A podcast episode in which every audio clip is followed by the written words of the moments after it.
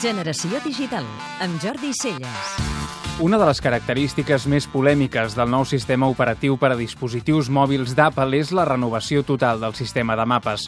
El sistema operatiu iOS 6 s'ha actualitzat a la majoria dels dispositius d'Apple que hi són compatibles i, a més, arriba instal·lat per defecte en tots els nous telèfons intel·ligents iPhone 5. Això vol dir que la guerra empresarial entre Apple i Google ha arribat d'una forma evident a milions d'usuaris d'arreu del món a través de l'aplicació dels mapes. Aquest no és un tema menor. Els mapes, el sistema de localització, la recerca d'indicacions per arribar a destins conduint o caminant i la recomanació de negocis o serveis són un dels eixos fonamentals de l'ús dels dispositius mòbils. És per aquest motiu que les grans companyies de l'economia digital estan treballant amb inversions milionàries per liderar la tecnologia dels mapes i la localització. Fins avui, a banda dels dispositius GPS, les marques que han dominat els serveis de mapes digitals per al gran públic són Google i Nokia, cadascuna amb un enfoc completament diferent. Google ha posat per davant el múscul creatiu i la gran capacitat d'inversió, serveis de localització detallats, fotografies per satèl·lit i, sobretot, les fotografies reals dels carrers de la majoria de ciutats del món fan del servei Google Maps una eina extremadament detallada i útil en constant evolució.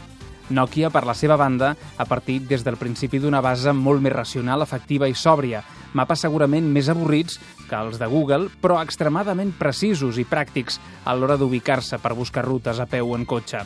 Apple ha decidit posar en marxa una aplicació de mapes per fer desaparèixer Google com a sistema estàndard dels seus dispositius i ho ha fet amb un servei encara poc madur que ha generat crítiques massives per la manca de precisió i una llau de paròdies humorístiques a causa dels hilarants resultats que ofereix en molts casos. El servei d'Apple és bonic, té un efecte en tres dimensions que quan estigui afinat serà espectacular, però no s'acosta ni de bon tros a la precisió dels seus rivals.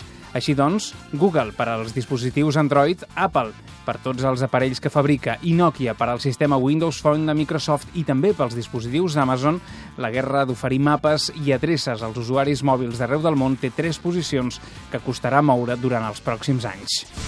Podeu escoltar Generació Digital cada dissabte de 4 a 6 de la tarda a Catalunya Ràdio.